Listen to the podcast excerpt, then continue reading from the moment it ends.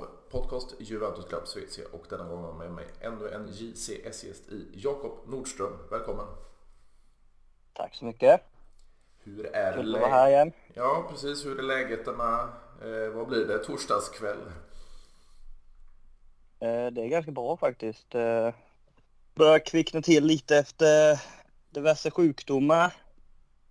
Du vet ju själv hur det är i dessa tider när man har småbarn. Det är eh, vabb vecka ut och vecka in just nu känns det som. Ja precis, det är, det är alltid de här basilerna när skolorna och allting drar igång. Ja. Så eh, ja, jag, Ja. Vet, jag vet hur du har det. Ja, så är det. Och det har ju hänt en hel del eh, gällande våran klubb de senaste dagarna också. Det, det, ja, det, det går och timme efter timme så kommer det bara nya uppgifter. Och vad, vad, vad känner du efter allt som har hänt? Eh, ja, först och främst, alltså man blir ju väldigt besviken på allting som händer. För det känns så, det känns så jävla onödigt om man får säga så. Mm. Eh, nej men ja, och sen det vet man när man gått, bara så att man går till jobbet, man får sådana här smågliringar och allting sådär och nu är det där igen och så vidare och så vidare. Så nej, jag tycker det är jättetråkigt. Sen hoppas jag inte att det blir några konsekvenser för, för Juventus som klubb, att det blir poängavdrag eller att de blir nedflyttade. Eh, Svårt att se att det blir så, men sen nu läste jag bara för en liten stund sedan så hade väl Uefa börjat blanda sig i också. Ja, det känns ju precis. inte så här jätteskoj. Sen, sen känns det jävla typiskt Uefa också att de ska ju dra in eh, Juventus i detta när de har haft eh, Eh, både PSG och City och Barcelona under luppen innan men eh, det har ju inte hänt så jättemycket där. Och jag tror inte att vi säger något av de lagen eh, ja, skulle gjort det annorlunda än Juventus eller har gjort det bättre än Juventus på det sättet heller. Så, ja, det är svårt att säga. Men eh, tråkigt är det. Det är tråkigt och när man sitter och scrollar igenom alla nyheter att det bara är skit just nu när det ändå så känns som att det vänder lite mot slutet för vår del i serien. Ja, precis. Och, och kanske resultatmässigt så såg det ju bra ut de sista 6-7 omgångarna. Och, och, eh, Verkligen. vi gick in i ett, i ett VM, eh, ett konstigt VM då, men, men eh, gick in med, med goda förhoppningar om att att återstarta i januari. Och så kommer, kommer allt som har hänt nu. Ja, är det, är det riktigt, riktigt tråkigt faktiskt. Men vi får väl se vad som händer. Det, det kommer ju uppgifter eh, var och varannan minut tycker jag. Och ena säger så och andra säger det andra. Så man vet inte så där mycket men eh, ja, det känns ju inte jättekul om jag ska vara ärlig. Nej, och det, det, det är lite så här också som du säger. Det är olika tidningar och olika medier skriver ju olika saker. Det har gått allt från att man, man har tagit sig förbi den här Prisma Eh, utredningen då med, med uppblåsta spelarvärderingar i olika affärer. Eh, vilket man har blivit friade från. Men sen kommer det upp det här med att man ska då betalat eh, eh, löner under den här tiden eh, i pandemin då när man fryste eh, lönerna för spelarna i fyra månader för att, för att hjälpa klubbarna och, och eh, komma tillbaka rent ekonomiskt. Men, men det påstås ju då att Juventus har betalat eh, löner i vilket fall. Det talas ju bland annat om, om Cristiano Ronaldo och så vidare. Så vi får ju se vart, vart det minnar ut. Men, men det, det kommer ju uppgifter även om att när, när eh, Angeli och Nedved och och så vidare avgick då hela styrelsen så, så skulle det inte drabba Juventus. Men sen kommer det andra källor som säger att det kommer ju visst drabba Juventus. Och nu som du var inne på för en, för en stund sedan så kom det ju att Uefa har startat en utredning då om, om eh, att man ska ha brutit mot, mot eh, klubblicensregler och eh, FFP-reglementet så att säga. Så eh, det känns ju som vare sig Agnelli och de andra sitter på posten eller inte så kommer Juventus bli drabbade. Ja, och det är det, det som är det värsta för när de väl har kommit fatt lite grann, skulle bara en sån enkel sak så, som eh, hade ju förstört ganska mycket på säsongen när man är på gång och vi har ett ganska spännande jan januarischema där första omgången möts väl inte Napoli tror jag. Vi har väl två ganska överkomliga första matcher, sen tredje matchen är ju Napoli borta. Så det kan ju förstöra ganska mycket där. Så nej, det är bara att hålla tummarna och hoppas att det inte blir eh, allt för illa helt enkelt. Nej, vad tror du om, om, om uppgifterna, vad de säger? Alltså, vi, vi, vi kan få, det har talats om, om böter då framför allt, men, men det har även kommit uppgifter om både poängavdrag och en likt Calciopoli degradering till, till Serie B. Vad, vad, vad, tror du kommer hända?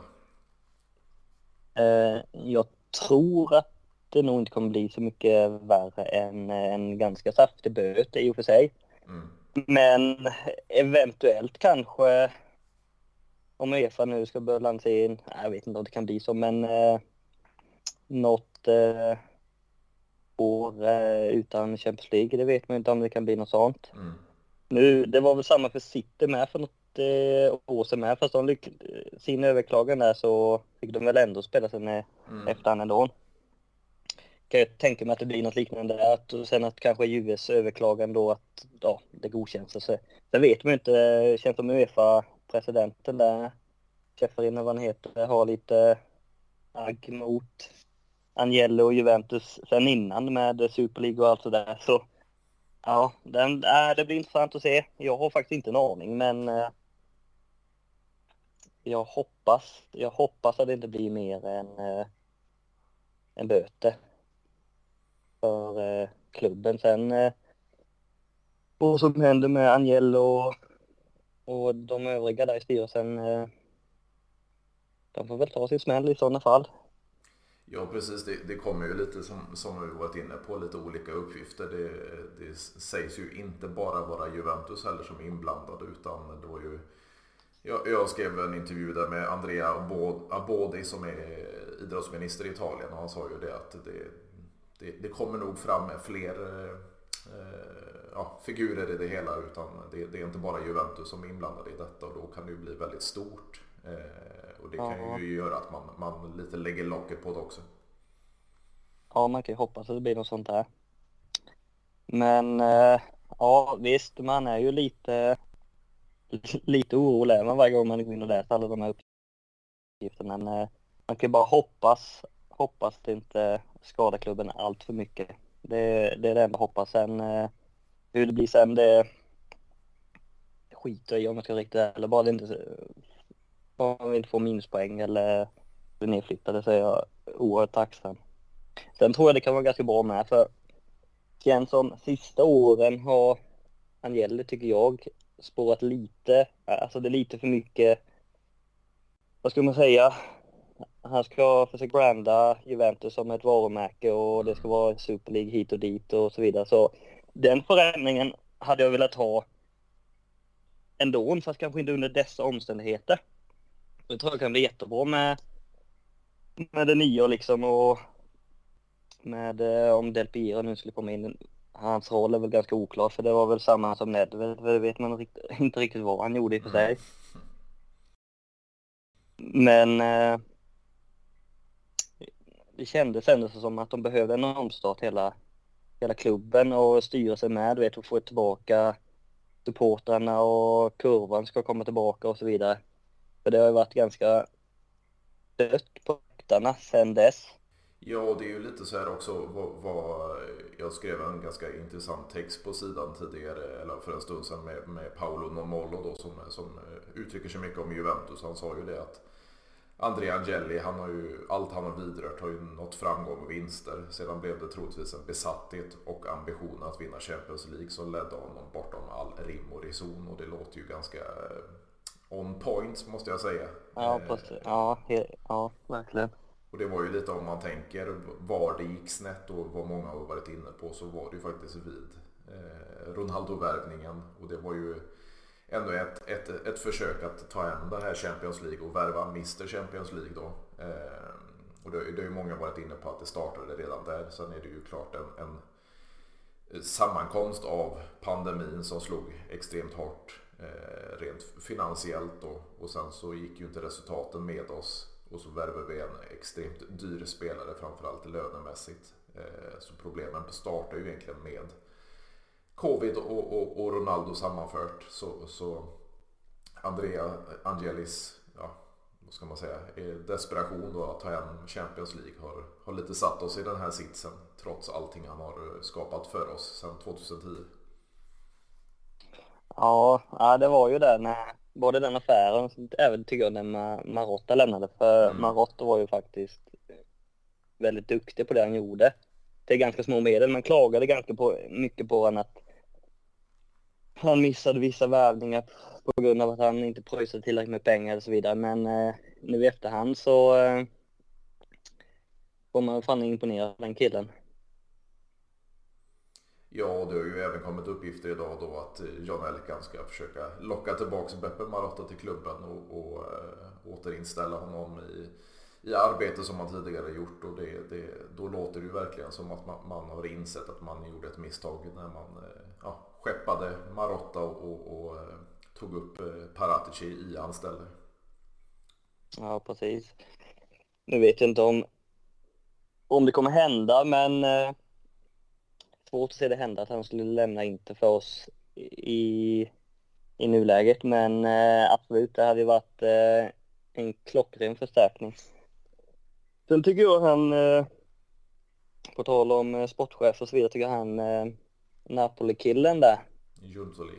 Verkar, ja precis. Han eh, känns ju faktiskt ganska intressant för han hittar ju ganska många så här intressanta guldkorn. Mm. Bland annat han eh, Georgien som inte jag ens vågar uttala. Alltså, men eh, han är ju fantastisk. Mm. Ja, precis. Han är ju fantastiskt duktig. Ja, men det är många sådana såna där, eh, likt Marotta kunde göra med mindre pengar hitta sådana här spelare. Vi säger när vi värvade Vidal till exempel. Det var ju jättelite pengar i dessa sammanhang. Så, eh, ja, vi får nog eh, gå tillbaka lite. Sen vill man ju inte ha en kunna göra en sån här stjärnvärvning, vi säger om vi skulle vilja värva Milinkovic Savic, om det nu skulle gå till exempel. Man vill ens kunna, kunna göra den värvningen, men eh, vi säger med Paratici, då blev det ju nästan att han skickade ju pengar till höger och vänster, alltså på vissa spelare. Med löner och övergångssummor och så vidare. Så ja, Ja, det står så dyrt just nu. Det blir väldigt intressant att se hur det ska bli de här kommande veckor slash månader, hur det kommer att utveckla sig. Ja precis, det, det, känns ju ändå som att eh, januari-marknaden kommer ju inte bli allt för, för eh, kostsam för Juventus för det, det, är ju ändå den nya styrelsen ska ju tillsättas den 18 januari och då är ju mer än halva januari fönstret gått eh, och då är ju troligtvis då spelare redan skrivit på för, för sina nya klubbar. Eh, så Juventus har ju halkat efter redan där och sen så med tanke på hur, hur det ser ut och det, det finansiella läget att man, man inte brukar punga ut speciellt mycket pengar i januari överlag plus att eh, vi vet ju inte vad de här utredningarna gör med, med, med klubben så att säga. Så, så januari känns ju ganska kall måste jag säga rent eh, marknadsmässigt.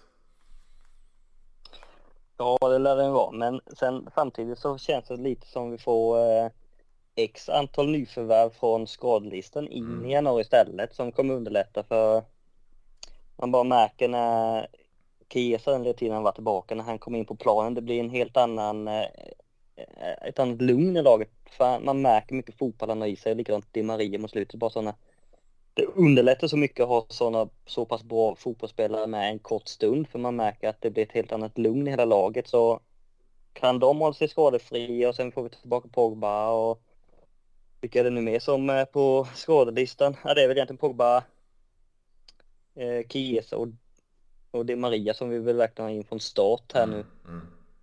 Och då tror jag det kommer bli helt annat spel överlag.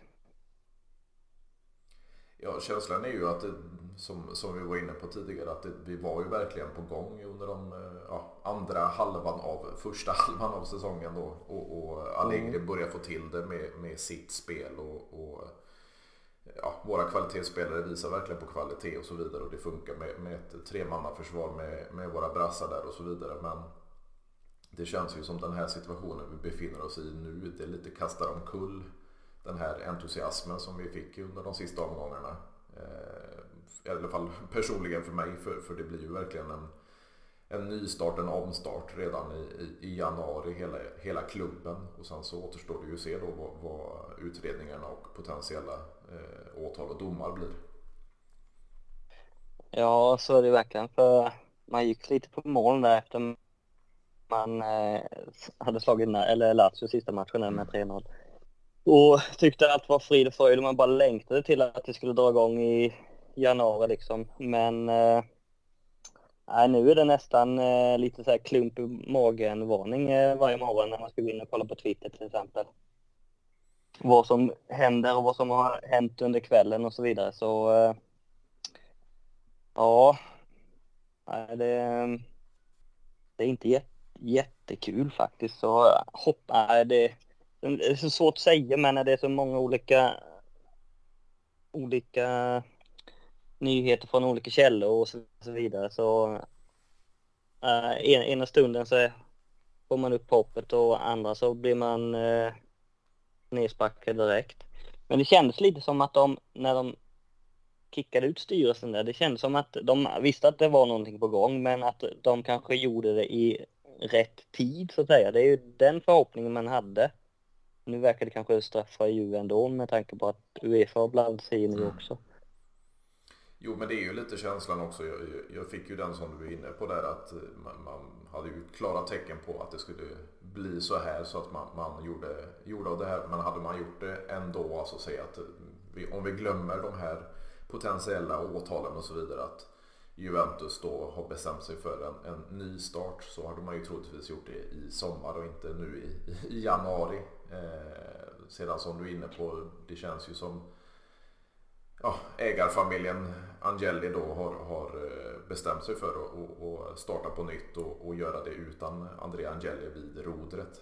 Eh, och det är, ju, det är ju framförallt kusinen då, Jan Elkan, som, som är VD i Exor som har gjort om det här och de som har satts in nu det ju, kan, ju, kan ju faktiskt bli eh, temporära lösningar. Både presidentposten och eh, eh vd-posten som, som är tillsatta nu. Det är Gianluca Ferrero då som är, är ny president i Juventus och det är Maurizio Scava, Scanavino som är eh, ny vd och, och, det är ju fram till åtminstone den 18 januari när hela, hela styrelsen ska tillsättas. Men, men eh, det är ju ja, personer som är väldigt nära John Elkan och familjen Agnelli så, så det är inga, inga ny, nyinkomna in i, i, i, det familjära företaget så att säga utan de har ju varit där länge och vet hur det ska gå till och det känns ju som att som de flesta uppgifterna pekar på då, då att man, man, vill få till det juridiska, man vill få till det ekonomiska och finansiella eh, innan man då träder in på det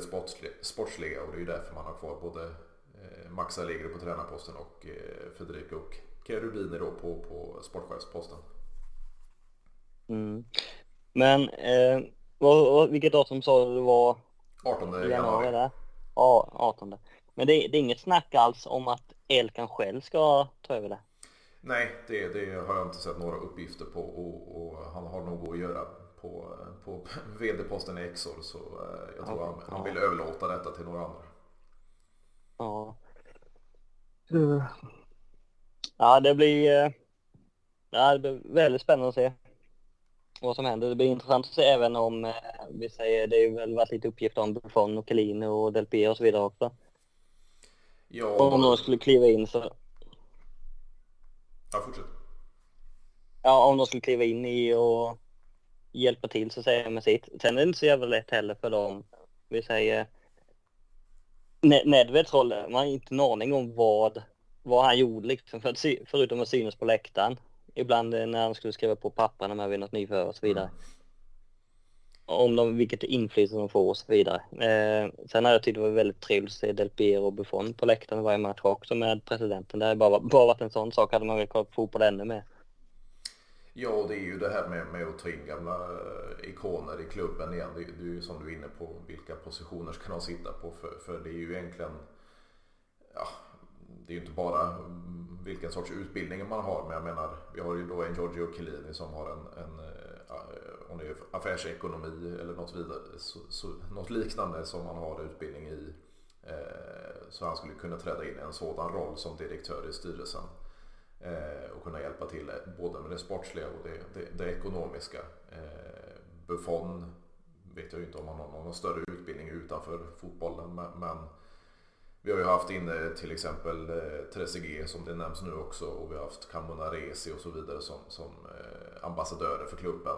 Eh, och bara få in en, en Buffon i, i Juventus igen det, det gör ju allt för omgivningen och så vidare att vi, vi får in Juventus DNA igen.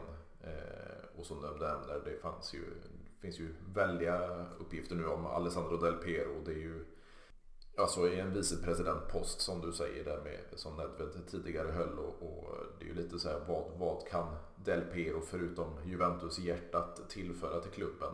Men, men, det är ju som du säger, vi vet ju inte riktigt vad Nedved gjorde heller så, så eh, jag, jag, skulle varmt välkomna Del Piero in i klubben igen men sen kommer ju uppgifter om också att han vill ju ha en tydlig roll, han, han vill göra sin sin röst eh, hörd i klubben och så vidare och vara med och bestämma i det nya projektet. Så, så det är ju inte bara att, att, ta in ikoner menar jag, eller legender till klubben utan man måste ju ha en som jag varit inne på i många, många avsnitt tidigare med, med Allegri att man ska pinpointa spelare för en viss formation. Man får ju även pinpointa eh, olika personer in i, i styrelsen också.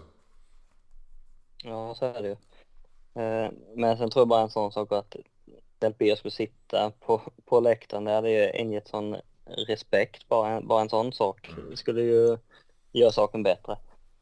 Men äh, ja, ja det blir äh, jag försöker scrolla igenom här om jag ser någonting på Twitter om det har kommit något nytt. För det kommer ju nya nyheter hela tiden tycker jag. Mm. Men det har varit lite lugnt ett tag. Men, men vad säger du själv om det sportsliga under hösten? Om vi bortser från eh, detta, eller dessa tråkigheter som har varit eh, nu sista dagarna.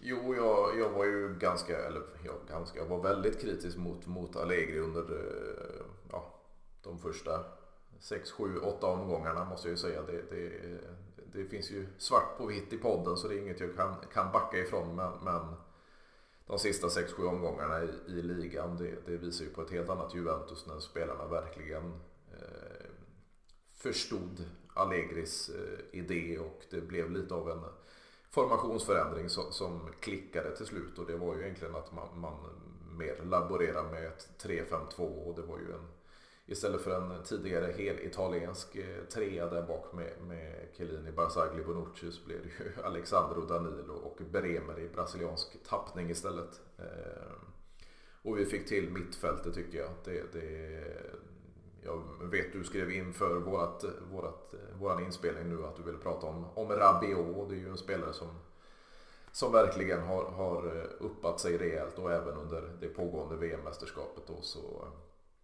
vi, vi, har verkligen fått till det där. Och trots alla skador då, vi har ju nämnt Pogba och vi har nämnt Kesa som, som sakteligen har kommit tillbaks. Och, och ja, det, det bådar gott inför vårkanten rent eh, sportsligt i alla fall.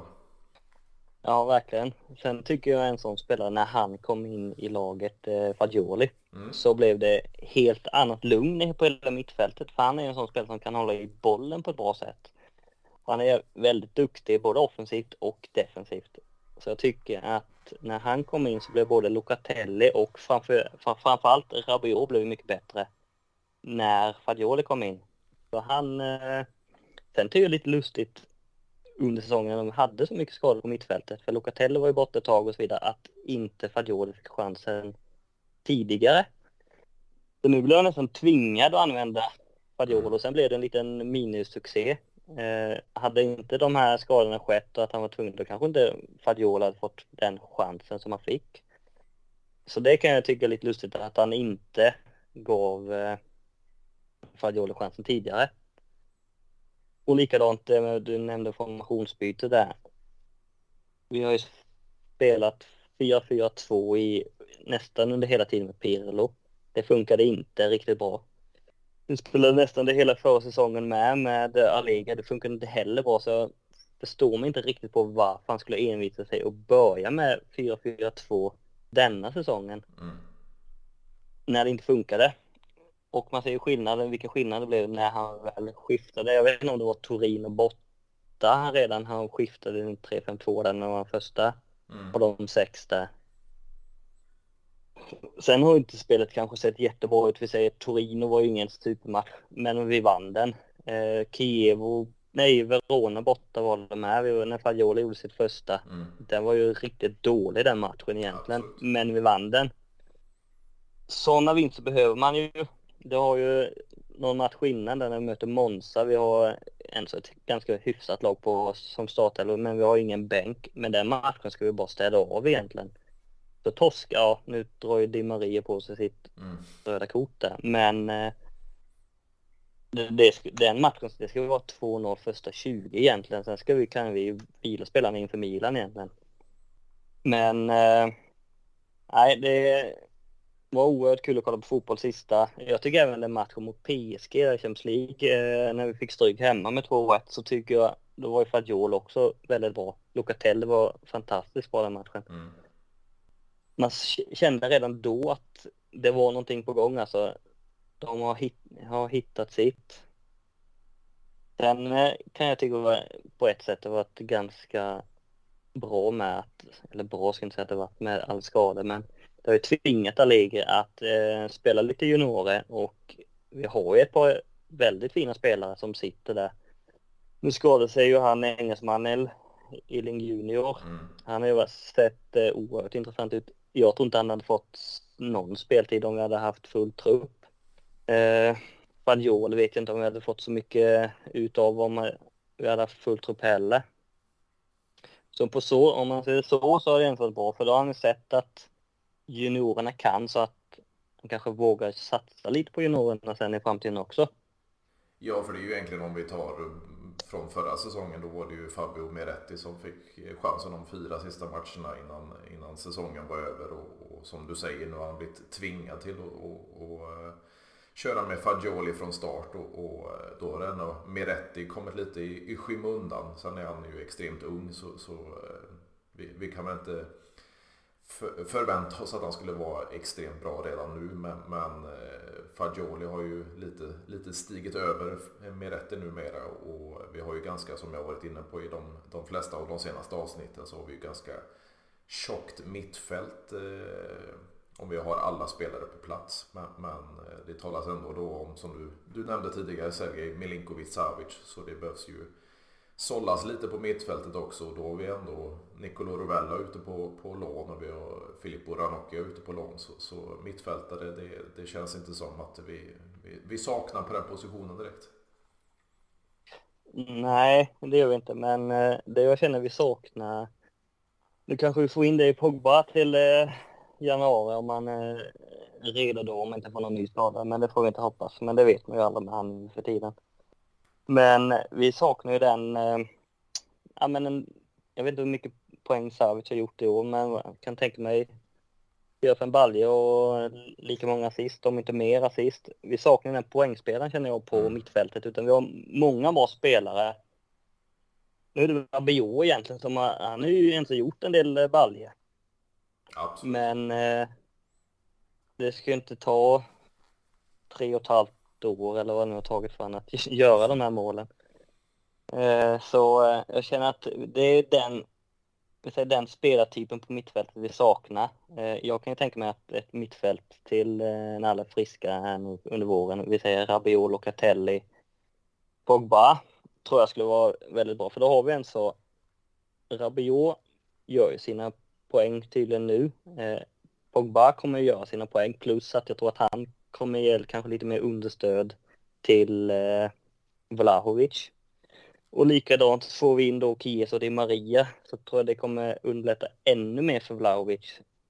För just nu så känns det som att han får springa och jaga boll och försvara sig mer än vad han är bra på egentligen. Och likadant, vi säger när han har spelat med Milik tycker jag ofta att Milik sätts i bättre läge än vad Vlahovic gjort utan det har blivit, eh, även om de funkar väldigt bra ihop så tycker jag ändå att när de två just har spelat så tycker jag Milik har varit bättre. För ja, men det känns som att Vlahovic tar lite för stort ansvar. Han gör lite för mycket än vad han borde göra.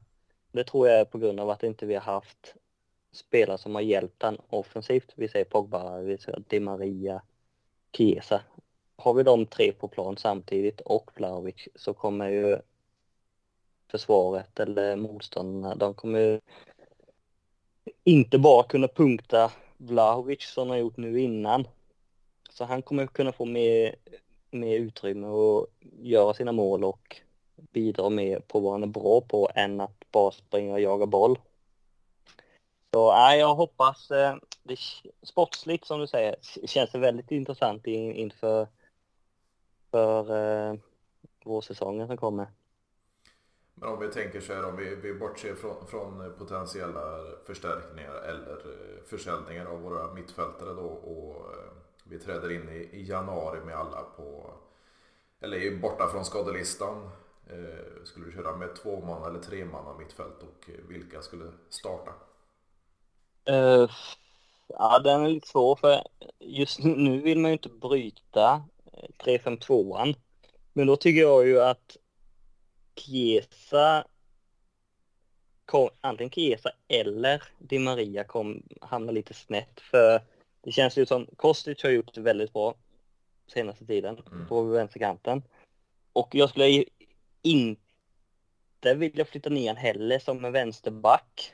Renodlad vänsterback. Det vet jag inte om jag hade velat ha han så långt ner. Frågan är om man skulle köra en typ antingen skulle man köra en 4 2 3 1 med typ vi säger Locatelli, Rabiot, Pogba, Chiesa och Di Maria och Vlahovic. Mm. Alternativt om man skulle köra en 3 4 1 2 eller en 3 4 3 kanske. Och då skulle man kört, om vi säger brassebacklinjen då skulle man kunna ha en Kostic som vänster, eller vänsterspringare, vi skulle kunna ha Rabiot, vi skulle kunna ha Pogba, vi skulle kunna ha ja, Quadrado eller vem nu som ska springa på eh, högerkanten. Så länge det inte är McKennie så är jag jättenöjd. Sen har vi släp, om man skulle köra en släpande, då kunde det antingen vara Di Maria eller Kesa. De båda skulle kunna vara bakom, det skulle kunna vara en 3-4-2-1 också. Så nej, det blir intressant att se. Jag vet inte han, han snackade väl lite om att han ville spela en 4-2-3-1 mm. när alla var tillbaka. Så det känns väl mest logiskt och det känns som att Pogba får 10-rollen, att han får lite fritt där. Eh, vilket jag tror kan passa. Även om jag tycker Pogba var som bäst när han eh, var som en Metsala där han fick springa upp och ner på banan eh, på lite till vänster. Vilket som Rabiot gör nu. Och vad tänker du kring, kring Rabiot? Vi har ju fått sett att han, han, han har varit extremt bra, speciellt senare på hösten och nu under VM så är han ju inte direkt sämre för Frankrike. Han verkligen är det här fysiska monstret som vi, vi har eftersökt under, som du var inne på, tre och en halv eh, säsong tidigare. Men, men han sitter på utgående kontrakt. Han kräver ju vad det sägs 10 miljoner euro per säsong då. Eh, vad, vad, säger du? Ska man försöka få till en förlängning? Ska man släppa honom helt gratis och bli av med lönen i sommar? Eller ska man försöka eh, bli av med honom i januari för att få in lite pengar? Eh, jag har nog släppt honom till sommaren. För eh, vi kommer nog inte som sagt värva någon så då har vi ingen ersättare till han sista halvan. Och jag känner att eh, han är alldeles för dyr förlänga för det kan inte ta, det kan inte ta tre och ett halvt år innan man blir bra om man har den lönen han har idag. Han är väl han inte bäst betald eller näst bäst betald i klubben. Det blir väl nu när vi gjort av oss med några så är det väl näst bäst. Eh, Pogba sitter väl på 8 plus 2 tror jag. Och sen har du Vlahovic är väl där uppe också någonstans. Ja, och sen Rabiot också. Ja, precis. Ja, nej, men eh, problemet var att han hade högt kontrakt från början. Mm. Eh, skulle man haft eh, ett lägre kontrakt, vill säga att han hade önskat som eh, typ Vlahovic hade. Visst, kanske då, om han skulle fortsätta i den här formen han håller i sig. Sen vet man ju inte när han väl har skrivit på det där kontraktet, han kanske blir skitdålig igen.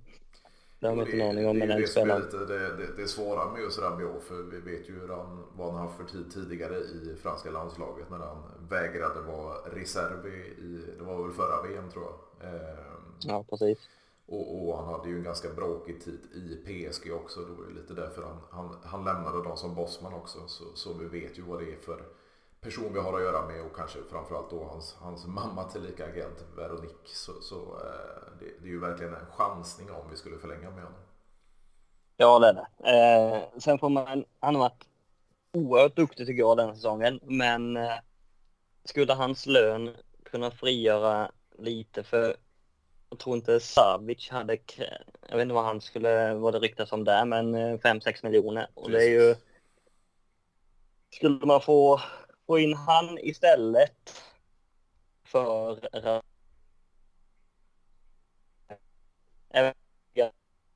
sista matchen jag sett han, både mot Juventus och de matcherna i, i alla fall första matchen i eh, uh, VM där så han inte var, han sett ganska loj ut. Han, uh, men uh, det man har sett innan av han i uh, Lazio så är han ju, han är ju fantastiskt duktig så nej, kan man, eh, skulle man eh, bli av med Rabiots lön så eh, hade jag gått om all ekonomi är på sin plats och vi får värva först och främst i sommaren och så vidare och så vidare.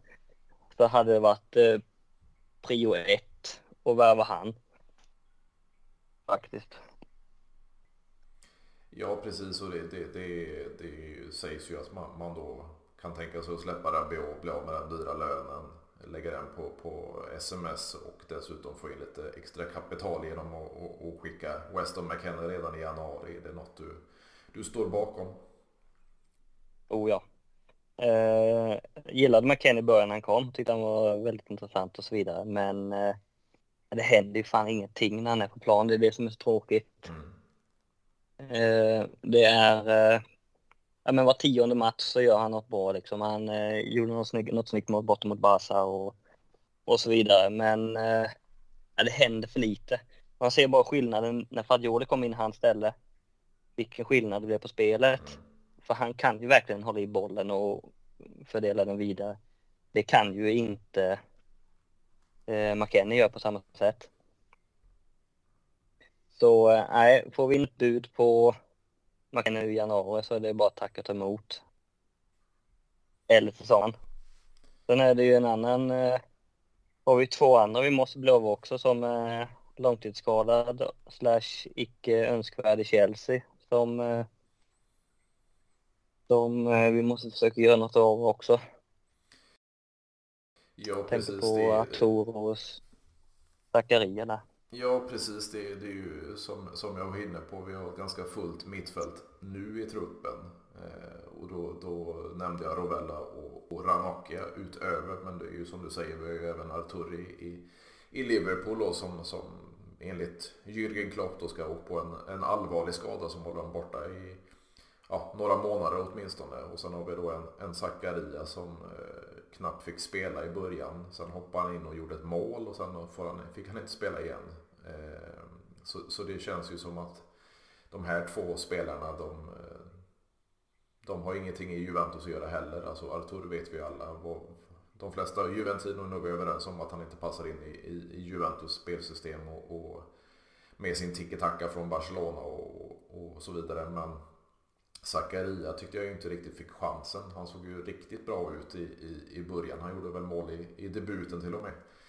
Eh, ja, när han kom där i januari och sen så fick han lite mindre speltid. Sen var det en skada som stoppade och sen var det lite si och så med speltiden innan han då fick lämna för Chelsea under, under deadline day. Så, så det känns ju inte som... Jag förstår inte riktigt varför Juventus tog in de här två spelarna och kanske framförallt Artur då. Men, men eh, det är som du säger, vi måste ju antingen göra oss av med dem eller eh, ja, låna ut dem igen då för att, för att bli av med lite löneanspråk där. Men, men eh, som sagt, det kommer bli en, en, ytterligare ett aktivt fönster i sommar skulle jag gissa på.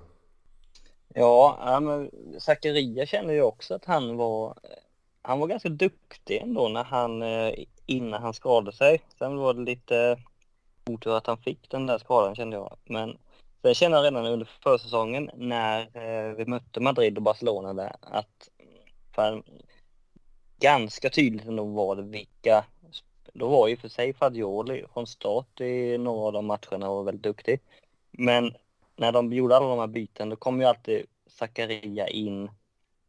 Det känns precis som att Allegri inte redan då redan visste att han, nej det, det här är ingenting för Juventus. Och då tycker jag det är jävligt lustigt att man gör den värvningen i januari. Mm.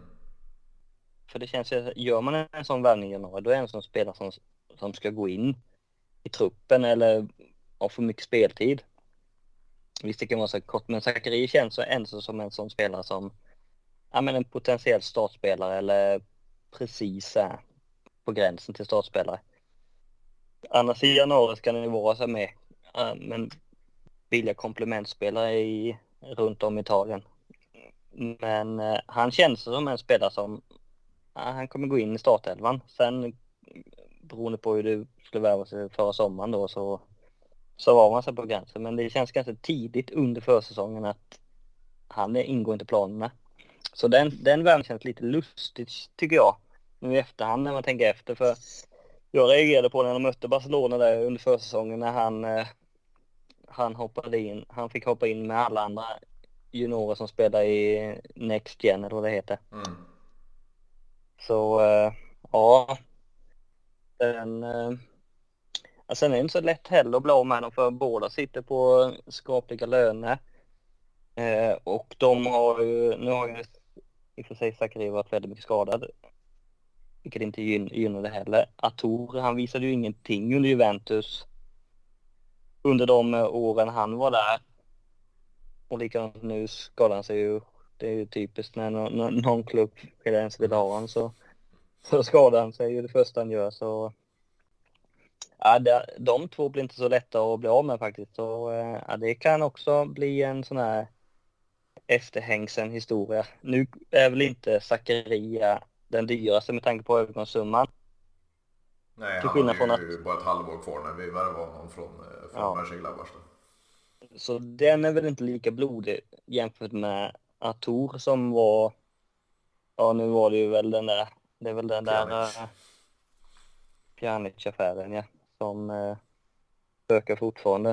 Uh, men uh, han däremot, han blir nog inte så lätt att bli av med, både med tanke på lönen och övergångssumman. Nej, definitivt inte. Och, och för, för, att göra det ännu krångligare så har vi ju dessutom ett, ett lån av Leandro Paredes som eh, inte har övertygat. Och, och eh, det, där är ju ganska bra då om, om han inte kommer övertyga under våren så har vi ju ingen tvingande köpoption längre i och med att vi inte tog oss till, till åttondelsfinalerna i Champions League. Nej, det är samma sak där. Det känner jag att han kommer man inte förlänga med för han har ju inte visat någonting. Plus att eh, han sitter ju ändå på en ganska saftig lön som jag förstår det. Ja precis och, och, han har ju faktiskt inte, nu, nu, är inte jag jätteinsatt i VM för jag, jag kollar inte något större på det men, men eh, vad jag fått till mig så har han inte gjort någon, någon större succé i VM heller. Nej jag såg första, hur ska vi säga, mot Saudiarabien men eh, nej han filmade till sin straff. Mm kan man väl säga. Och sen eh, så blev han utbytt. Så nej, han har inte, inte rosat marknaden tycker inte jag. Eh, jag trodde han skulle vara, det kändes som det, för jag kommer ihåg första matchen eh, när eh, Paredes var med mot eh, Fiorentina när kom in där precis. Och jag tänkte bara första tiden, han gjorde ju mål tidigt där Milik gjorde mål tidigt. Mm. Bara, bara kände, fan det här känns bra med Locatelli och Paredes liksom. Det mm. blir helt, helt, helt annat spel. Men sen efter det så har det inte absolut hänt någonting. Så eh, på, på ett sätt var det väl bra att vi inte gick vidare i Champions League för att slippa köpa ut han. För då sparar vi lite pengar där så vi kan lägga krut på ja, till exempel Sergej eller något liknande. Ja precis, och vad, vad, vad, tänker du om, om Milik då? Det är ju 7 plus 2 och köpa loss honom från Marseille. Det, det är bara att tuta och köra. Ja, det är bara att tuta och köra. Han har faktiskt varit bra tycker jag. Uh, han har varit riktigt... Ja men, han känns som en sån spelare med som kan ta den rollen att vara lite backup till Blaovic och sen när han väl kommer in så gör han sitt arbete väldigt bra. Han har gjort sina poäng och han har varit eh, bättre än... Eh, ja, Keen kom igång i slutet men eh, nej, jag tycker det är bara att ut och köra på Milik.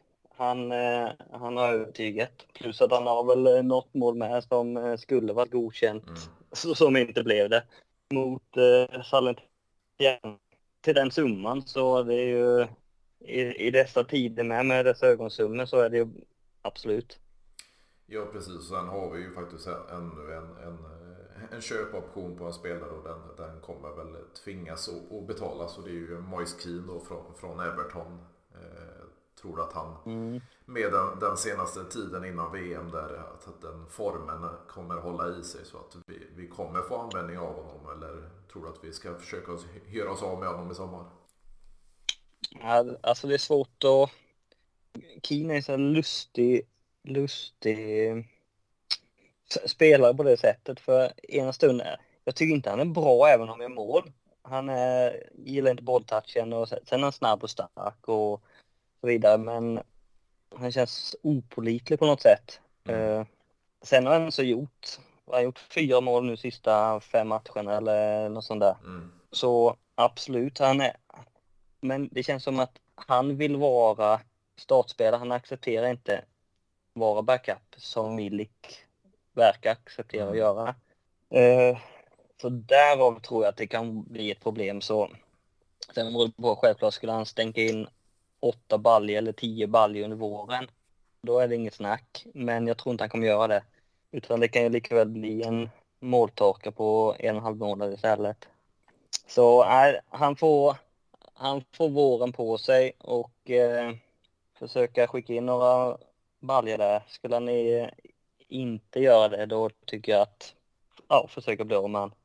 Och vad tänker du kring, eh, vi, vi, extremt mycket snack om, om ytterbackspositionen i podden, både från mig och från Ester. Eh, vad, vad, vad, tänker du speciellt högersidan då som, som det talas om? i januari. Det, det har ju varit Joakim Mähle då, dansken i Atalanta. Det har varit eh, nederländaren eh, Rick Karstorp i, i, Roma.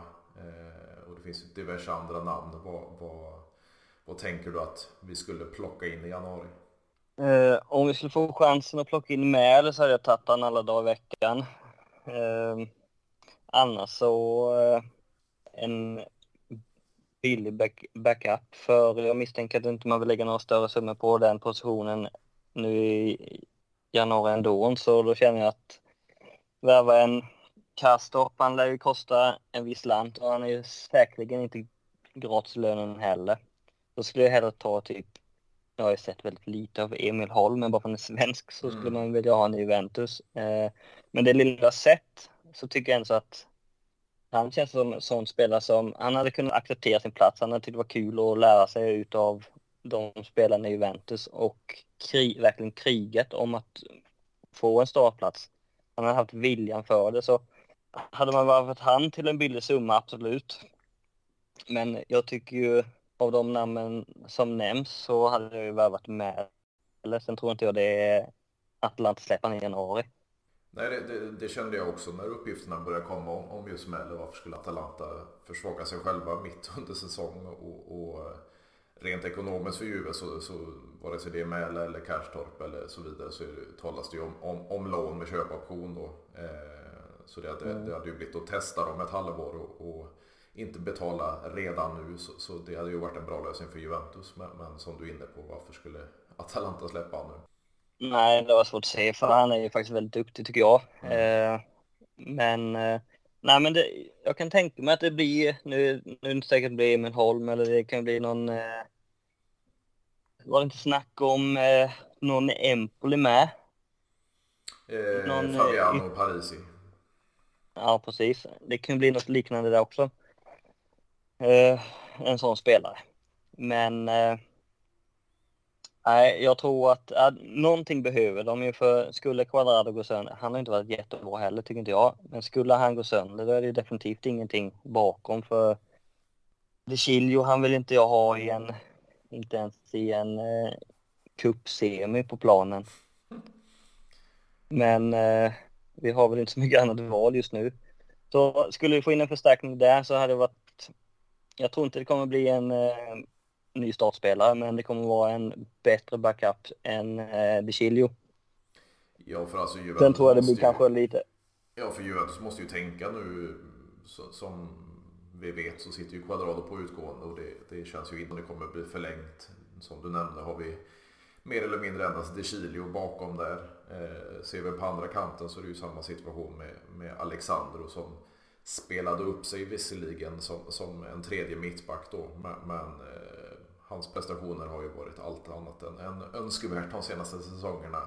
Eh, där bakom har vi ju då eh, Andrea Cambiasso som är på lån i Bologna som kan byta låneklubb i, i januari sägs det då. Och sen har vi då Luca Pellegrini som, som eh, det rapporteras först gjorde ganska bra ifrån sig i, i lånet i Eintracht Frankfurt. Men sen så blev det mindre speltid och, och, och han kanske inte riktigt passar in i, i, den tyska fotbollen. Så vi har ju några yngre på ingång för, på andra flanken men eh, de är ju ganska otestade i Juventus. Eh, och kan vi alltså är helt otestade i Juventus. Eh, och det är ju bara åldrande män i övrigt. Så, så, eh, det är ju två, två flanker som vi måste tänka på eh, åtminstone i sommar. Ja, verkligen. Eh, det känns som att eh, varken Pellegrini eller kan, visst, Cambiaset skulle väl kanske kunna vara det i, i framtiden, men som det är, vi säger till sommaren, då behöver vi inte ha in både en vänsterspringare och en högerspringare som verkligen går in i startelvan, som kan göra avtryck direkt. Eh, vilket det känns som att, ja, förutom kanske Mäler med de andra namnen som nämns, då är det ju, det är ju mer rena backups liksom. Mm. Så eh, sen är det inte så lätt att hitta varken vänsterspringare eller högerspringare på som ytterbackar där som eh, är tillräckligt bra. Tycker jag, för det är väldigt, väldigt få som är, ja men vi säger Juventus-klass. Nu är inte Juventus kanske kända som har de mest... Det var väl Cancelo senast som var, hade lite finess och så. Annars är det ju ganska mycket grovjobbare som springer på typ Lichstein och så vidare som springer på kanterna. Nu saknar jag jävligt mycket Lichstein för han var ju helt fantastisk tyckte jag men eh, ja, det känns inte som, ja, det känns svårt att hitta en, en riktigt bra vänster, alltså en riktigt bra vänster eller högerback. Sen kan jag tycka att både haft lite, inte flyt ska jag säga, men vi ser när vi fick Alexander i början där, han var ju jätteduktig. Absolut. Det är ju sista två åren. Sen tycker jag han varit väldigt bra.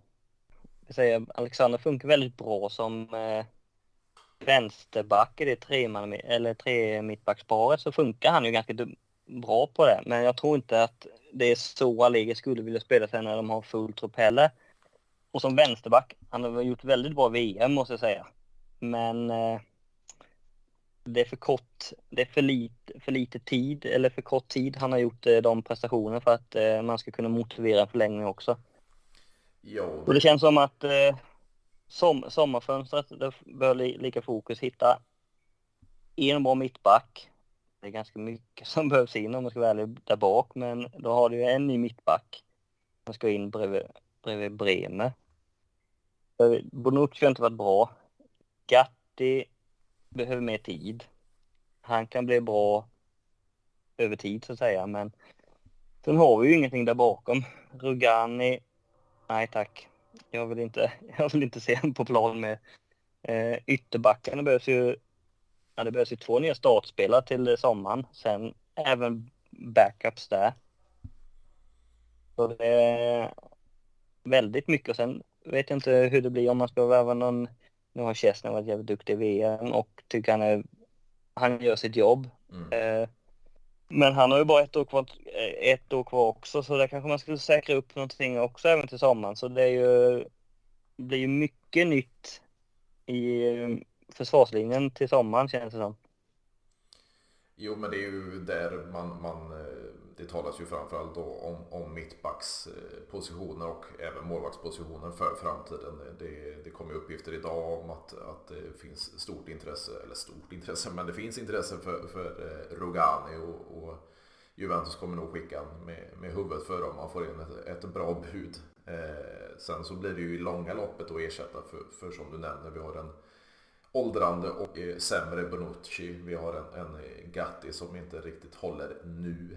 Eh, och så skickar Rugani då. Då har vi ju Danilo som, som kan komma in och, och vara där. Men ska vi se på en, på en tvåbackslinje, ett mittbackslås med, tillsammans med Bremer så måste vi få in en, en ytterligare kvalitetsspelare. Och det, den som nämns nu det, det är ju eh, Pavlovic då i Red Bull Salzburg, eh, serben där med, med, som spelar med, med Vlahovic och Kostic i landslaget. Men, men, han är ju 20 år så det är ju verkligen för framtiden.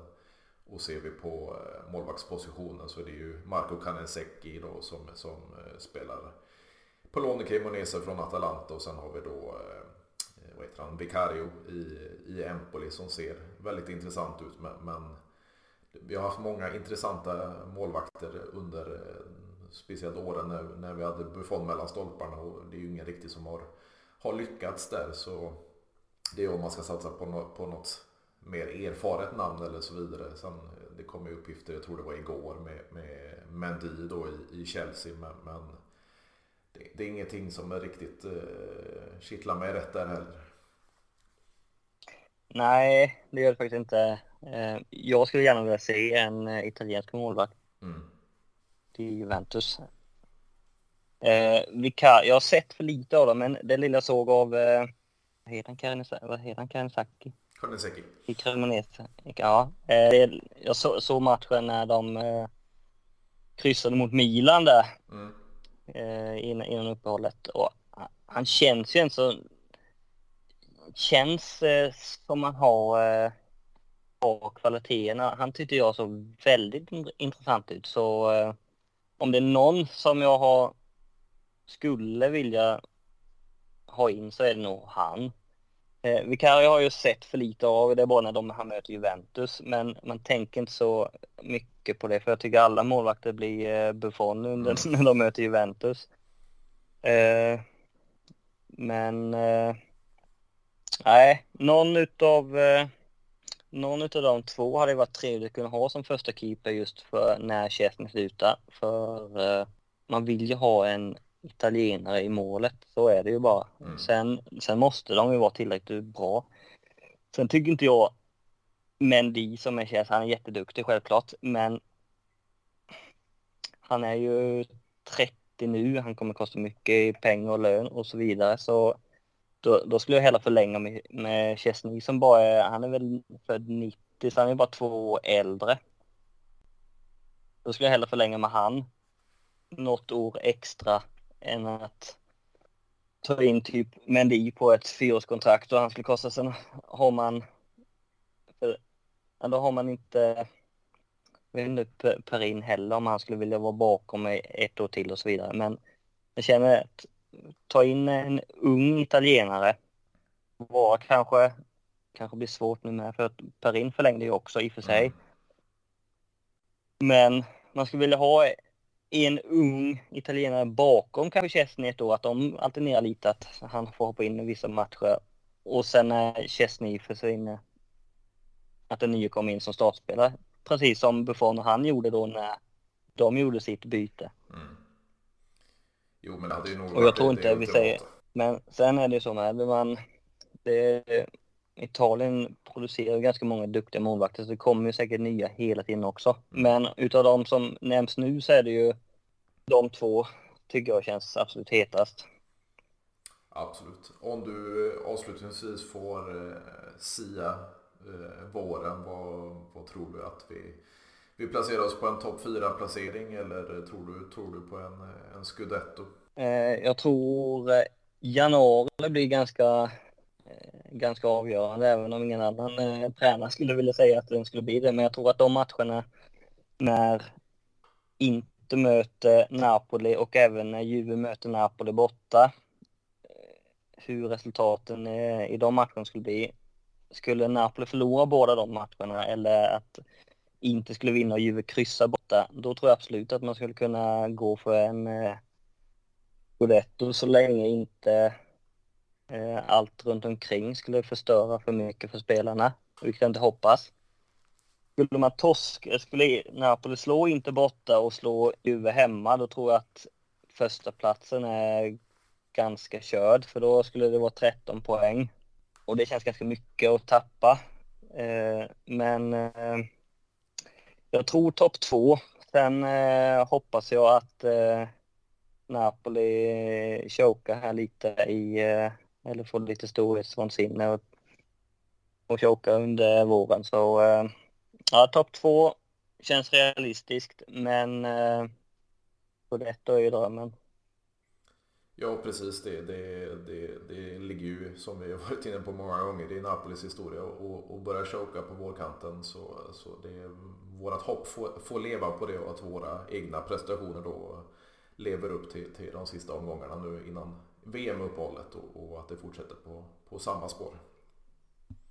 Ja, det får vi verkligen hoppas.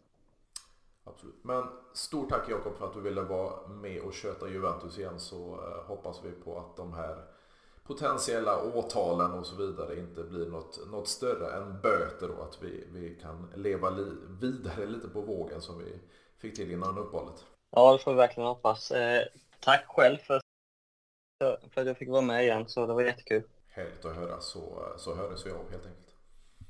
Ja, det gör vi. Ha det gött! Detsamma, detsamma. Hej! Hej, hej! Go, go, go, go!